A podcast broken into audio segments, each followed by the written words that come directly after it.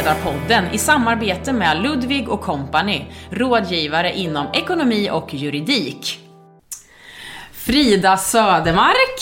Kristina Öhman.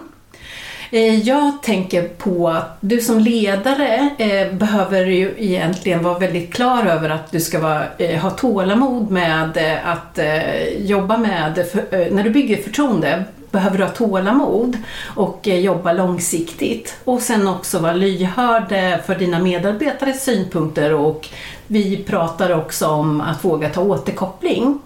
Men jag funderar på dig, eh, med en fråga till dig Frida, om du alltid gör klart dina eh, åtaganden? Men vet du, innan, jag visste ju lite så här, jag, fund, jag hade en tanke på vad jag skulle säga, men så slog det mig någonting nu när du formulerade dig på det sättet. Att idag så träffade jag en gammal elev och jag har ju haft en annan typ av ledarskapsposition eh, när jag var gymnasielärare, eller jag är gymnasielärare, men när jag var i klassrummet. Och där kan man ju aldrig ge upp och det handlar ju verkligen om att skapa ett förtroende. Och jag kan säga att det var många gånger jag var jag var väldigt, eh, jag var både, jag var, man var nästan uppgiven när man gick ur klassrummet för att eh, det var väldigt tufft. Alla tycker inte att matte är det roligaste man kan göra i världen. Hur kan man inte tycka det? Men, men eh, där fick man ju verkligen jobba med förtroendet och inte ge upp och tänka om och hur ska jag göra nästa gång för att få med mig fler och nej, jag gav inte upp. Eller jag sa ju upp mig. Men det var ja, inte för att men jag... det var ju en, av en annan anledning. Ja. Jag tycker inte att du tappade nej, nej, nej, nej, över... Jag skojar lite ja. Men eh, det var för att jag ville ha en liten annan typ av mm. Eh, arena för mitt klassrum. Att få dela med mig av det som händer längs mina löpande vägar. Och där är mitt största rättesnöre att inte ge upp, eller att rättare sagt inte, att alltid göra klart skulle jag säga. Och det finns några exempel, eller några tillfällen där jag är lite extra stolt över min prestation och ett av de tillfällena det är när jag sprang ett lopp i Kina. Utmaningen var att springa runt en sjö, 100 kilometer, det är ju min huvuddistans. Och vi hade blivit inbjudna till eh, det här loppet, alltså vi i eliten, av organisationen där i Kina. Och eh, vi blev bjudna på lyxhotell. Det var runt den här, runt det här, eh, den här sjön så var det superkuperat, det var subtropiskt klimat. Ja, men det var jättejobbiga förutsättningar plus att energin hade tagit slut på vissa energistationer. När jag hade tre mil kvar, det är som att starta Lidingöloppet och vara förstörd redan på startlinjen, så fick jag jordens kramp. Jag hade liksom kramp i midjan och neråt. Det är som att, var som att sitta fast i en eh, och så vet, ni vet hur det känns här när det börjar krampa lite i tån. Var det redan inte... när du startade? Nej, nej, utan det var du... när det var tre mil kvar i det här 100 km loppet då. Men det skulle ju vara som att ha startat i ett tremilslopp med kramp redan på startlinjen. Mm. Jag hade sju mil redan tillryggalagda. Eh, och då får jag krampen från hell. Och då funderar ju säkert många av ni, er som lyssnar här, varför fortsätter man när man har så fruktansvärt ont och kramp och ja, det var ju såklart, huvudet var ju inte heller riktigt med. Men då tänkte jag, då fick man ju liksom gräva djupt såklart för att göra klart eller fortsätta. Och det var flera olika anledningar som gjorde att jag fortsatte. Dels att jag tänkte att alla andra har det säkert precis lika jobbigt. Och den faktorn att jag var inbjuden, ja det minsta man kan göra det är väl att göra klart. Och jag vet hur missnöjd jag skulle varit om jag hade satt mig i poolen där på lyxhotellet och andra hade gjort klart och inte jag. Då hade jag ju aldrig kunnat njuta av den belöningen efteråt. Och så tänkte jag att ja, men jag testar att gå. Men det gjorde ondare. Det var en faktor till att jag fortsatte springa. Det var ingen uppvisning i löpteknik, det kan jag säga. Men en faktor var ju också att det tar ju längre tid att gå än att än att, eh, än att springa. Så att jag tog mig framåt och då brukar jag då tänkte jag ju inte på slutet, jag tänkte ju nästa kilometer, nästa par hundra meter. Och när, man hade, när jag hade klarat om, ja men då kunde jag liksom tänka nästa lilla stycke. Liksom jag stängde in mig i en liten box som inte handlade mer om ungefär dit eh, ögonen nådde nästa trädunge. Ja, men, ja, jag fick verkligen, jag fick ta, lägga, sätta ena foten framför den andra och det tar en ju ändå framåt. Och jag kom i mål, det var gråt och det var, det var även skratt. Alltså det är ju en känslomässig berg och dalbana att utsätta sin kropp för att springa en hel dag. Och jag kom i mål på den sämsta tiden jag någonsin har sprungit 100 km. Förvisso på pallen och det säger ju lite om hur jobbigt det här loppet var. Men det är också det loppet som jag är mest nöjd över trots att jag sprang mitt sämsta, eller på min sämsta tid. Men det är så viktigt för mig sammanfattningsvis att göra klart för att jag inspireras av de som gör klart. De som inte bara gör minsta möjliga insats. De som vågar vara kvar på banan trots att det inte blev ett förväntat resultat. Och sen så är det så att om man tillåter sig själv att bryta, då är det så lätt mm.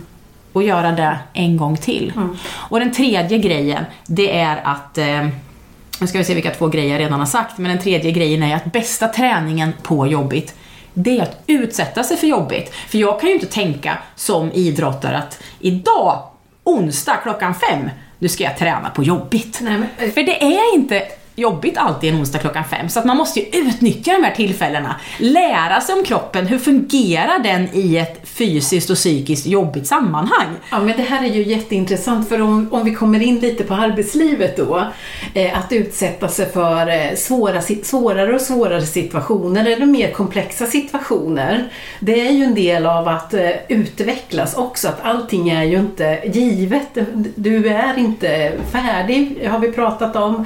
Eh, som ledare eller som eh, medarbetare vid första steget in på en arbetsplats. Utan du behöver ju egentligen utsätta dig för eh, pö om pö nya eh, arbetsuppgifter, nya utmaningar. Och det är ju lite kopplat till vad vi pratade om förra avsnittet, att man kanske inte behöver ha check på 10 av 10 grejer. Det kanske räcker med 7 av 10 för de andra tre lär man sig så som ja. du beskriver det. Å andra sidan så har jag också i arbetslivet funderat på om jag har varit lite väl uthållig och haft för långt, eh, högt, eh, stort eh, tålamod. Och, och, kan det få konsekvenser om att skapa en, en ohälsa istället? Om man då man drar i den här gummisnodden och den tänjer sig och tänjer sig och tänjer sig. Och sen kan den ju faktiskt brytas om man då befinner sig i en miljö i en organisation som kanske inte alltid är den, alltså, den mognaste och mer vänligaste eh, miljön. Och då menar jag ju egentligen att man eh, bekymrar sig om varandra, att man tänker gott om varandra.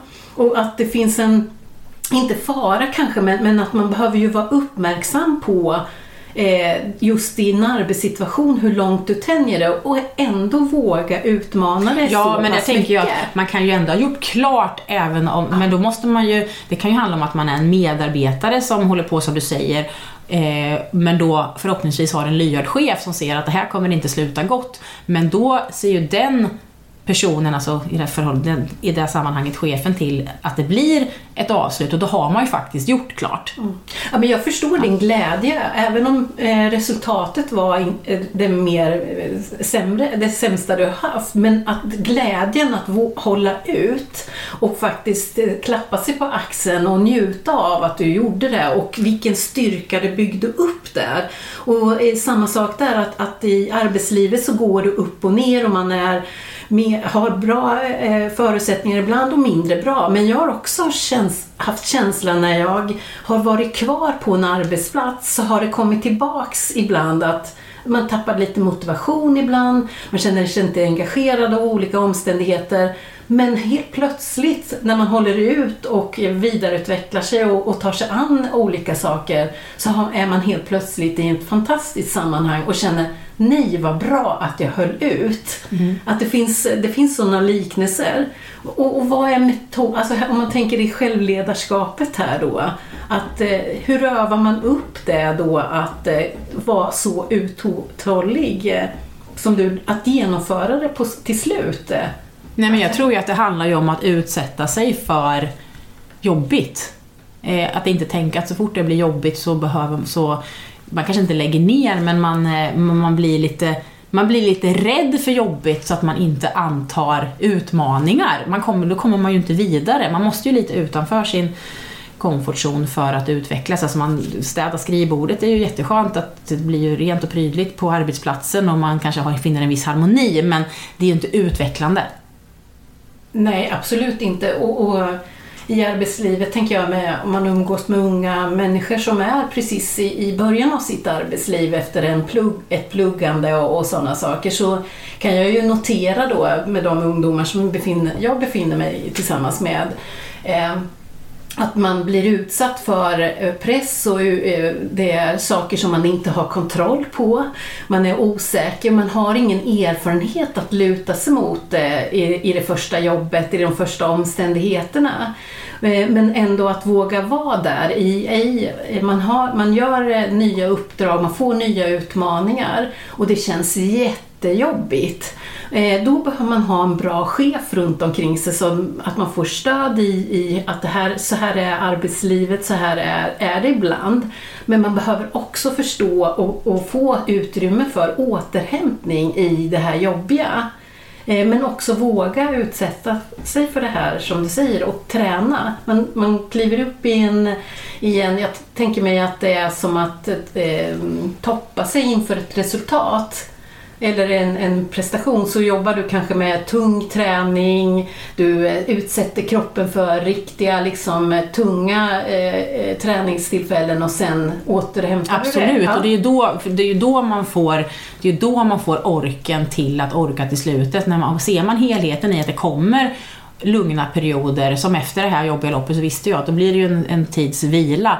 Då kan man ju klara det här jobbiga lite längre till. Men om man vet att nästa projekt eller nästa lopp skulle komma direkt efteråt, då orkar man ju inte. Så, att, eh, så att det är ju en, en motivationsfaktor till att orka, att se helheten och ha en överblick. Och den överblicken måste man ju få mm. tillsammans i organisationen så att man eh, håller ihop Ja, som helhet. Och, och, då är det ju en del i ledarskapet, det är mm. ju att uh, ta ut, i, uh, att hålla inriktningen. Ja. Och repetition och öva mm. och, och för, uh, stödja i att vi kommer, nu, är vi, nu har vi det jobbigt, nu är det mycket att mm. göra, men vi kommer att få en återhämtning. Precis. För, för, Precis. Och vi, vi får ordna det själva. Jag tänker i arbetslivet idag är så otroligt pressat med att man ska göra så mycket saker och, och generellt i allmänhet och min egen erfarenhet är att vi är som chefer och ledare rätt dåliga på att hjälpa till att prioritera.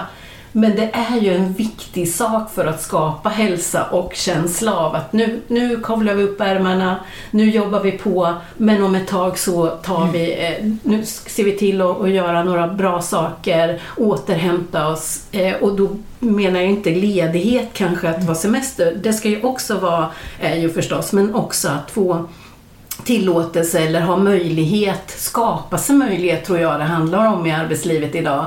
Att eh, ta det lite lugnare. Ja men kunna plocka ut sina komptimmar. Jag menar har man det går ju inte att motivera att komptid är någonting man får ta ut om det inte finns någon tid att ta ut den. Och där har man ju, den måste, den måste ja, finnas en planering. Det är ju det jag menar. Kom, ja, det är ju det jag menar att den, den måste ju det måste ju finnas eh, utrymme för att ta ut den sen, annars motiverar den ju inte Nej, men jag menar också egentligen att det är inte bara att vara ledig, för då förväntas du vara, göra din återhämtning alldeles själv.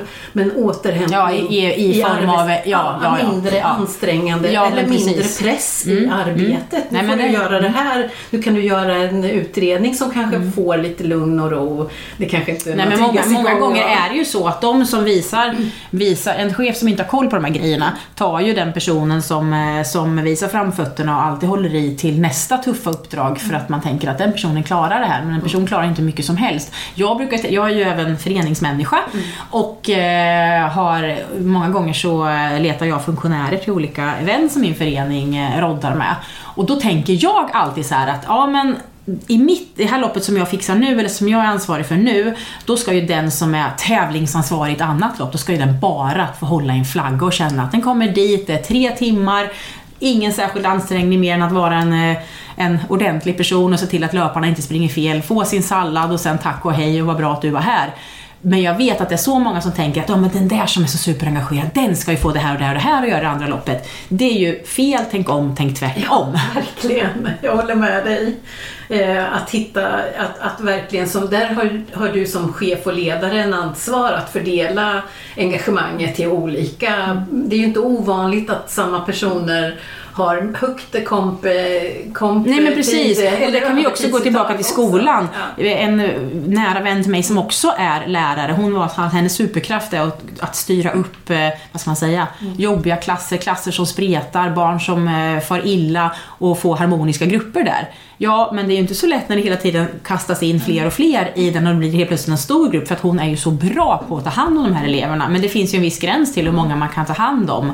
Så att det, det, det är många som behöver jobba med de här grejerna. Ja, och, och man lite rannsakar sig själv då, Frida. Hur, hur bra är du på det? Att visa att du tar återhämtning emellanåt? Jag har en tränare som styr upp det här för att jag är så otroligt träningsvillig. Jag skulle kunna träna ihjäl mig nämligen.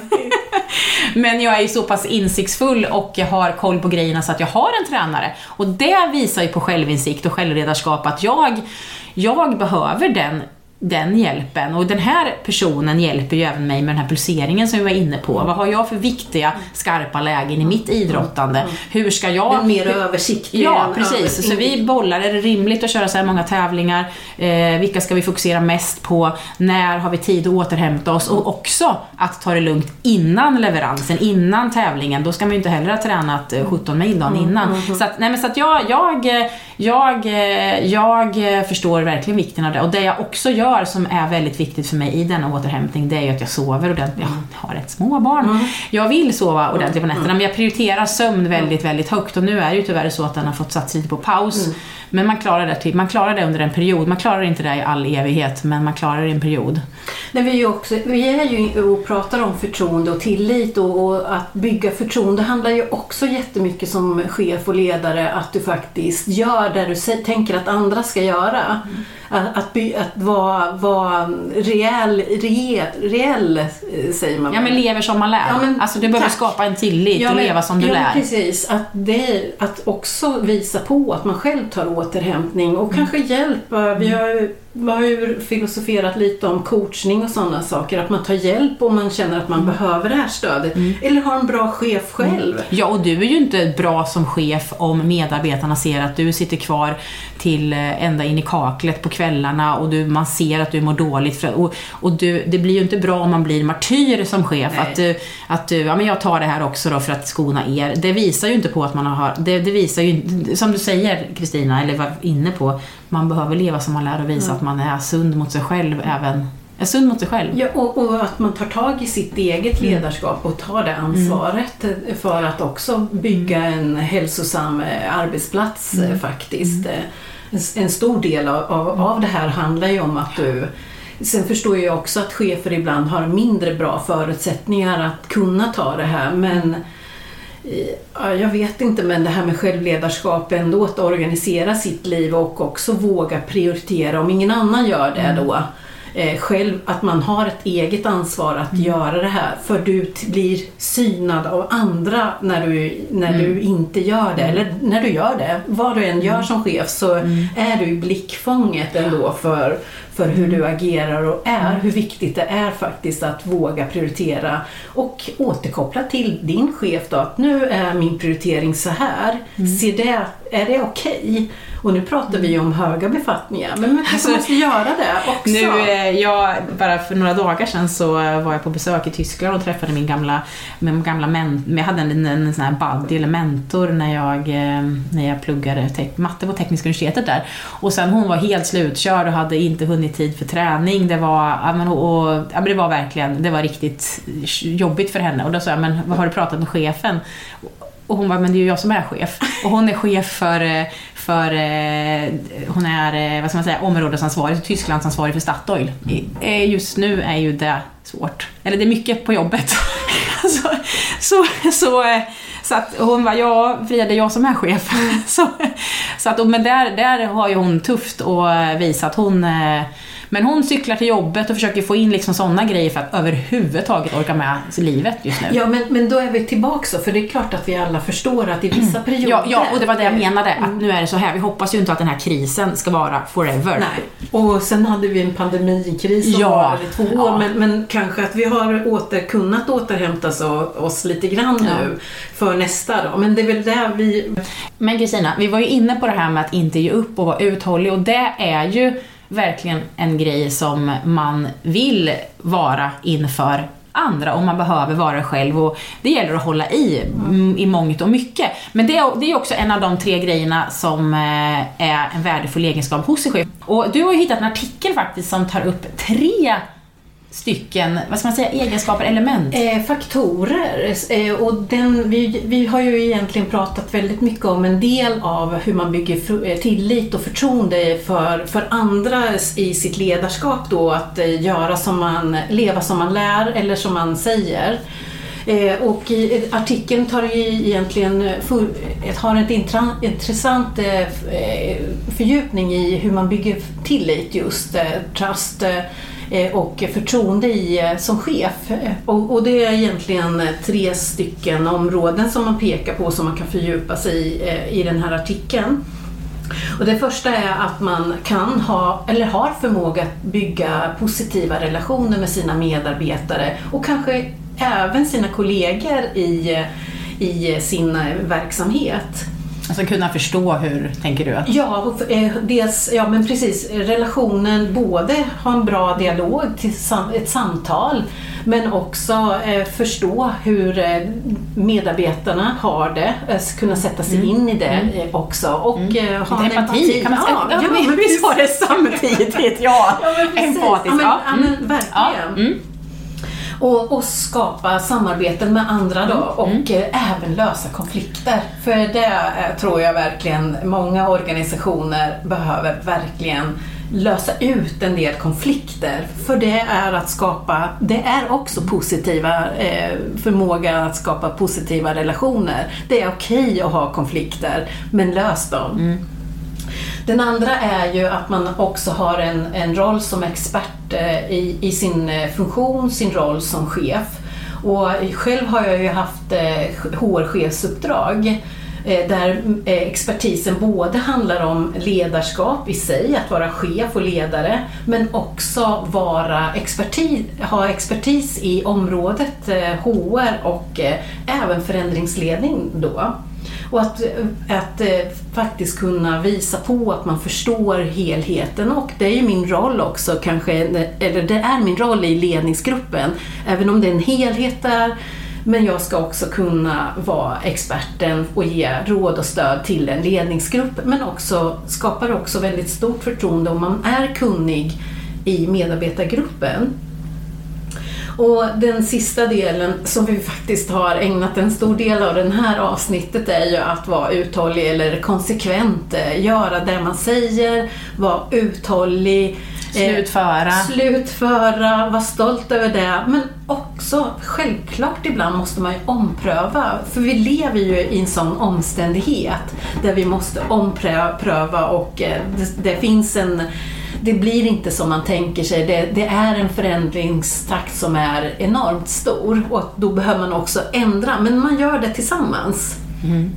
Så tre områden som är jätteintressanta i den här artikeln som vi kommer att eh, lägga ner i, eh, i eh, innehålls, innehållet. Ja, precis. Vi kommer, ni kan gå in via våra hemsidor som ligger i mm. biografin eller informationen till mm. podden.